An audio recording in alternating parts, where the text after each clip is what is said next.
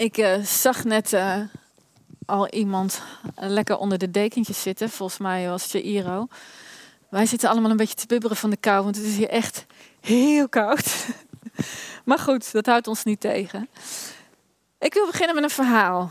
Ik was van de week aan het boodschappen doen. En ik, met dat ik het opschrijf, dacht ik van... oh ja, ik vertel wel vaker een verhaal over dat ik boodschappen aan het doen ben. Maar ik doe ook nog eens boodschappen. En het is een van de weinige uitjes die we hebben de laatste tijd. Dus uh, ook dit verhaal gaat over een moment dat ik boodschappen aan het doen was.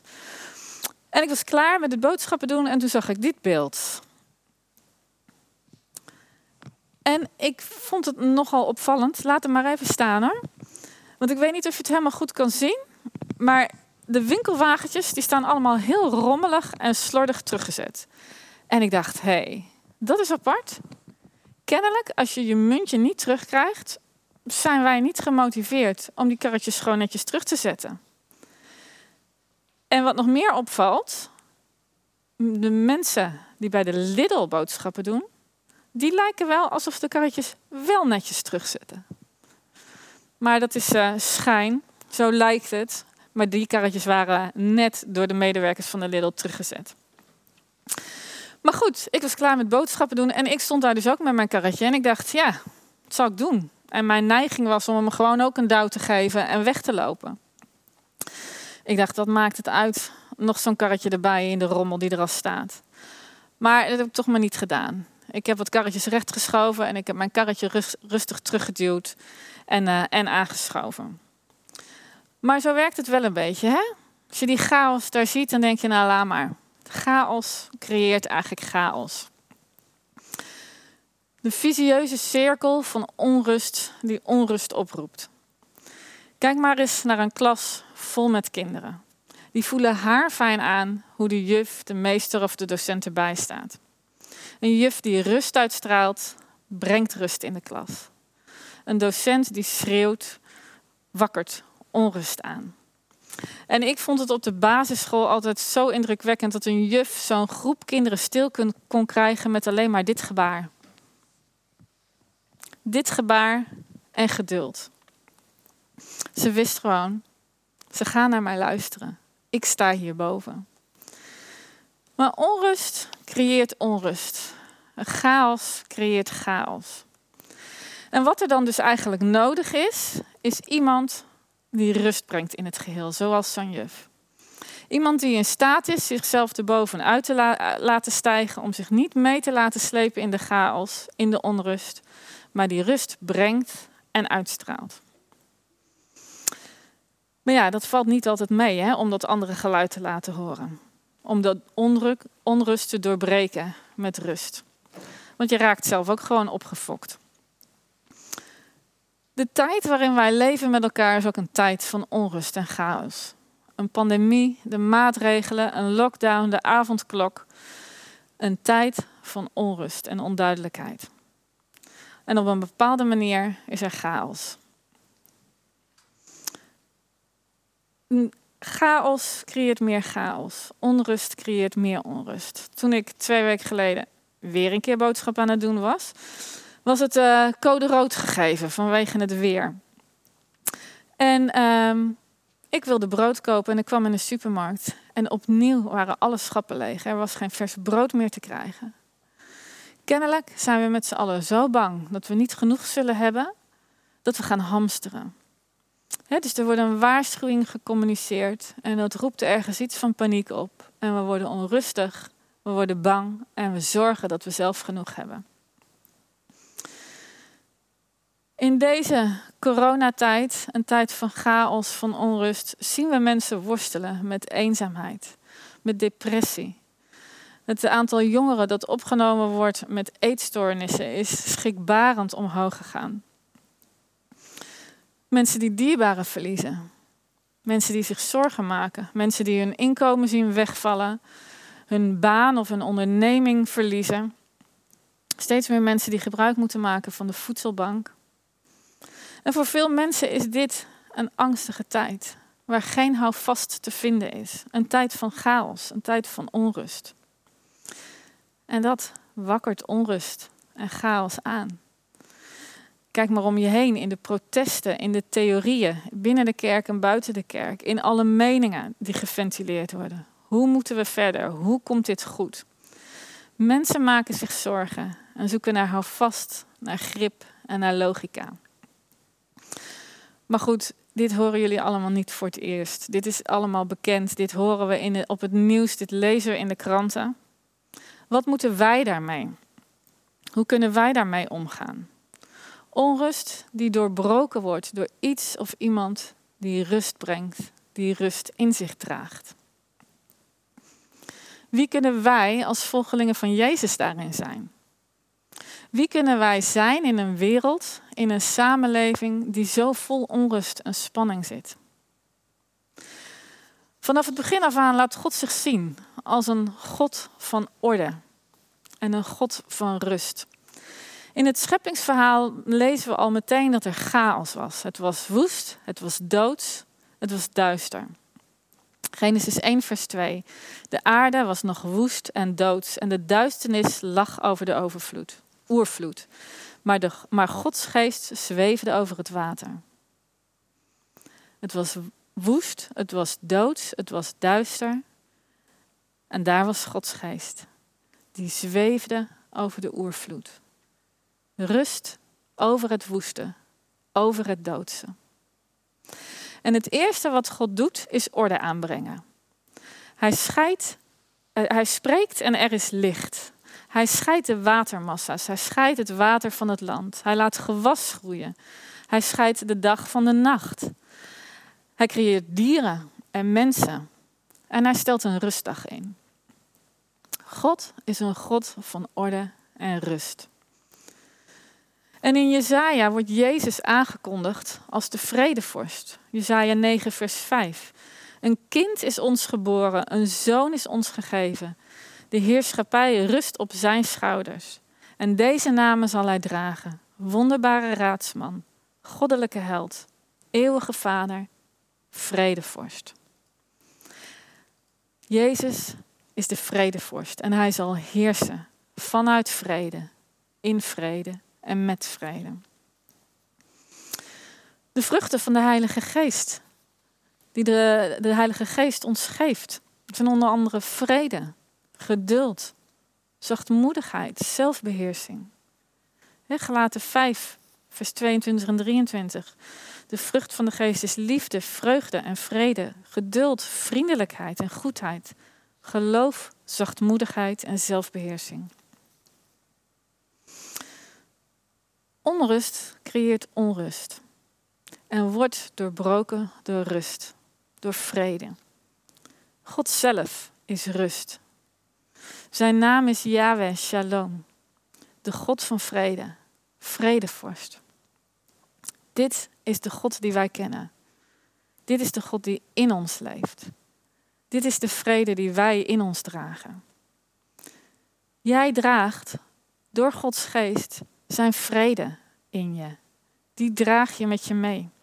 Jij bent in deze wereld het andere geluid. De onrust en de chaos die nu in de maatschappij is, en die je misschien proeft in gesprekken met je collega's of met je buren of met vrienden, die hoeft niet in jou dezelfde onrust aan te wakkeren. God zelf, de God van vrede, woont in jou. En als je kijkt bijvoorbeeld naar het verhaal in Matthäus 8, waar Jezus met zijn vrienden in de boot zit op het meer van Galilea, in de storm, het stormt dan doet hij daar hetzelfde als wat hij in het begin al deed. Hij is aanwezig in de storm. Hij is de rust in de storm. Hij slaapt. En dat is niet uit minachting voor de angst van zijn discipelen, maar omdat hij weet dat de storm naar hem zal luisteren. Omdat hij weet dat wat er om hem heen gebeurt en waar hij, waar, zij met, waar hij met zijn discipelen in is, dat dat ondergeschikt is aan wie hij is. En wanneer hij wakker gemaakt wordt, spreekt hij en de storm komt tot rust. Wie hij was in het begin, die is hij nog steeds. Hij is de rust in de storm. Maar hoe deed Jezus dat dan als mens? het is niet zo dat er in zijn leven geen chaos of onrust was. Vanaf de start van zijn leven was er onrust. Als pasgeboren baby moest hij samen met zijn ouders op de vlucht voor, uh, voor Herodes.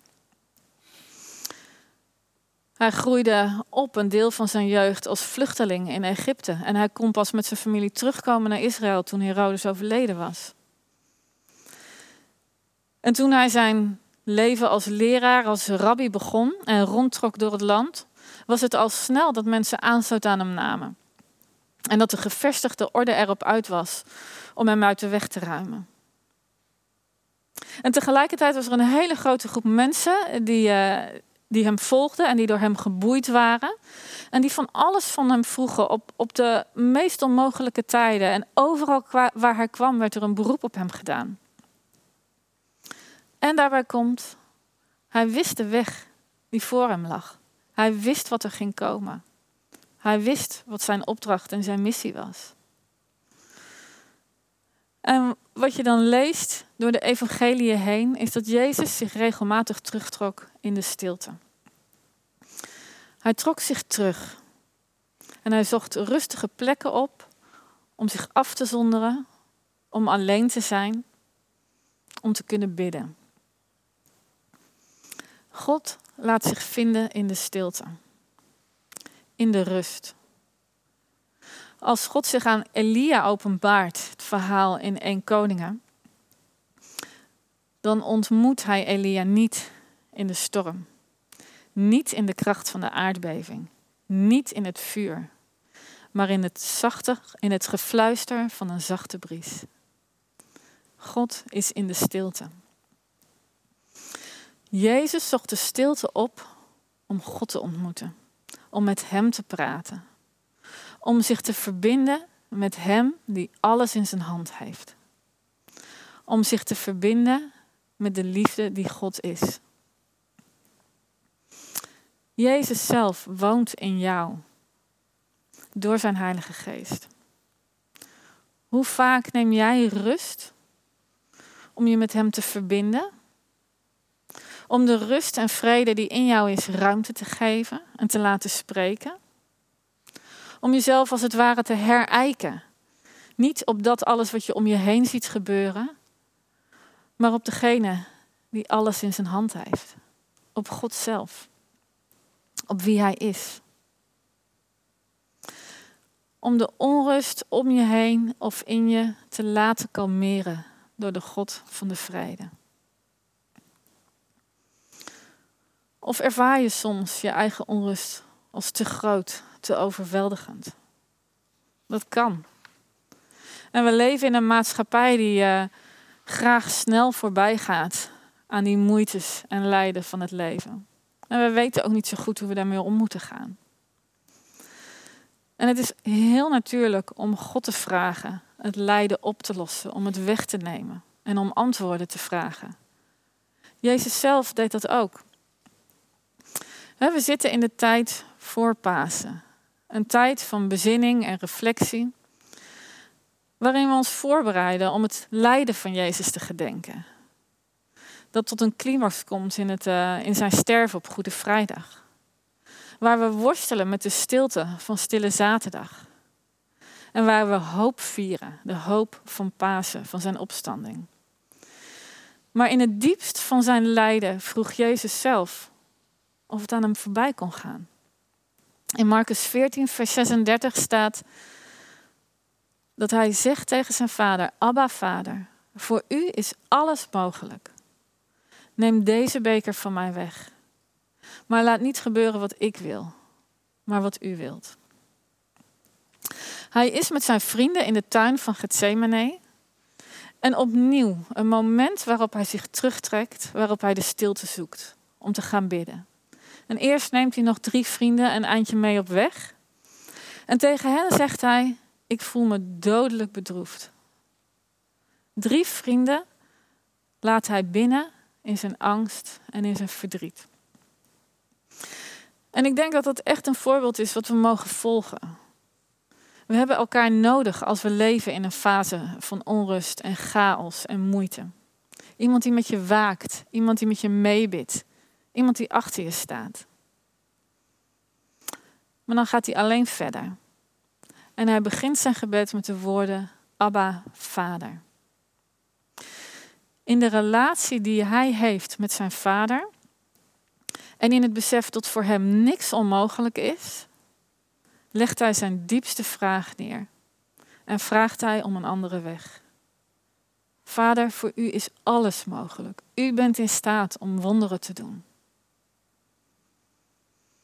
En tegelijk, in die relatie met zijn vader, in het vertrouwen dat zijn vader van hem houdt en dat hij weet wat hij doet, zegt hij, maar niet mijn wil, uw wil. Hij geeft zich over. En wat je Jezus hier eigenlijk ziet doen, is dat hij in alle kwetsbaarheid zijn beide handen ophoudt. Met in zijn ene hand het verlangen naar een wonder en in zijn andere hand de angst voor wat komen gaat. En hij spreekt het uit en hij laat de controle los. Hij geeft zich over. Een daad van overgave. Een daad van rust vinden in de liefde van de Vader. Er is rust in de ontmoeting met God. En dat is waarom Jezus de stilte opzocht. En daarna gaat hij terug naar zijn vrienden. En hij heeft de moed en de rust gevonden om het reddingsplan wat zijn, uh, van zijn vader te vervolgen. Om ons terug te brengen in die relatie van vrede en van rust. En dan gaan we weer even terug naar waar we mee begonnen waren. Naar de onrust en de chaos van de tijd waarin we leven.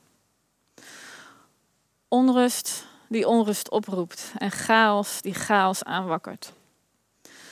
Wat doorbroken wordt door iets of iemand die rust in zich draagt, die rust is. Die in staat is zich ergens anders aan te verbinden. Iemand die de rust en de kalmte weet te, weet te vinden terwijl er om zich heen van alles gebeurt, wat ongrijpbaar is. Terwijl een samenleving om hem of haar heen in chaos is. God is nog steeds dezelfde. God is nog steeds wie hij was. Hij is in de chaos. En hij is in staat om te spreken en de storm tot stilte te brengen. Hij is nog steeds in staat om je gerust te stellen en om bij je te zijn. En wij dragen Gods rust en vrede door de Heilige Geest in ons. In ons wonen vrede, liefde, geduld, rust. En de wereld om ons heen mag van die vruchten plukken, de vruchten van de Heilige Geest. Om rust te brengen in de chaos van deze tijd, van deze wereld. En daarvoor hebben wij het nodig om de stilte op te zoeken. Om in de stilte te komen, zoals Jezus dat deed. Want God laat zich vinden in de stilte. En wanneer we zelf overweldigd raken door alles wat er in ons leven gebeurt, dan mogen we alles in Zijn handen leggen. Dus als je weet dat je het geeft in de handen van degene die bij macht is om alles te doen. Als je weet dat je het geeft in de handen van degene die van jou houdt, die in staat is om alles mee te laten werken voor het goede, dan hoef je niet bang te zijn. Dan verlies je je richting niet. Dan vind je houvast. En dan kan je wat er om je heen gebeurt of in jou gebeurt, in een ander licht zien. In zijn licht. En in zijn rust is er rust om verder te gaan. Zullen we even tijd nemen om samen stil te zijn en God te zoeken? Dank u wel, Vader, dat u zich laat vinden in de stilte. En daarom worden we stil voor u.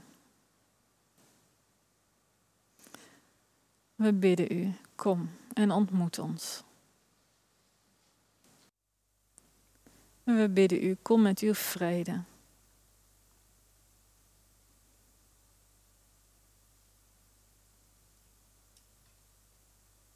Vul ons door uw Heilige Geest.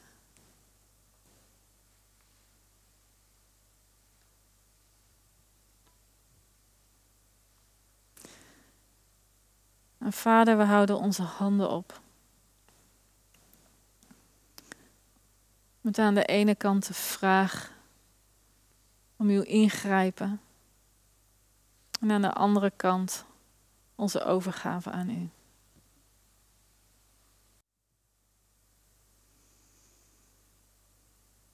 En ik bid u, laat ons mensen zijn van vrede, van rust.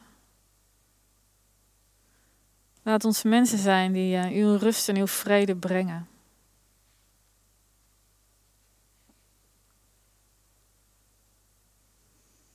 Heer, leer ons uw vrede te ontvangen en het uit te leven, zodat anderen de vruchten ervan mogen plukken. Mogen wij uw rust en uw vrede brengen aan de wereld om ons heen. En ik zegen je om de stilte te zoeken, je terug te trekken en te bidden. En Heer, waar daar uh, in onze levens misschien juist heel veel onrust en drukte is op het moment, ook door de lockdown, dan bid ik uw bescherming uit over die momenten die wij nemen om ons terug te trekken en de stilte op te zoeken. Heer, wilt u er ook in voorzien? Wilt u mogelijkheden creëren? En tegelijkertijd als die stilte iets is wat ons overweldigt, of wat als leeg voelt, dan bid ik dat u komt en u zelf openbaart. Ons uw vrede geeft. In Jezus' naam. Amen.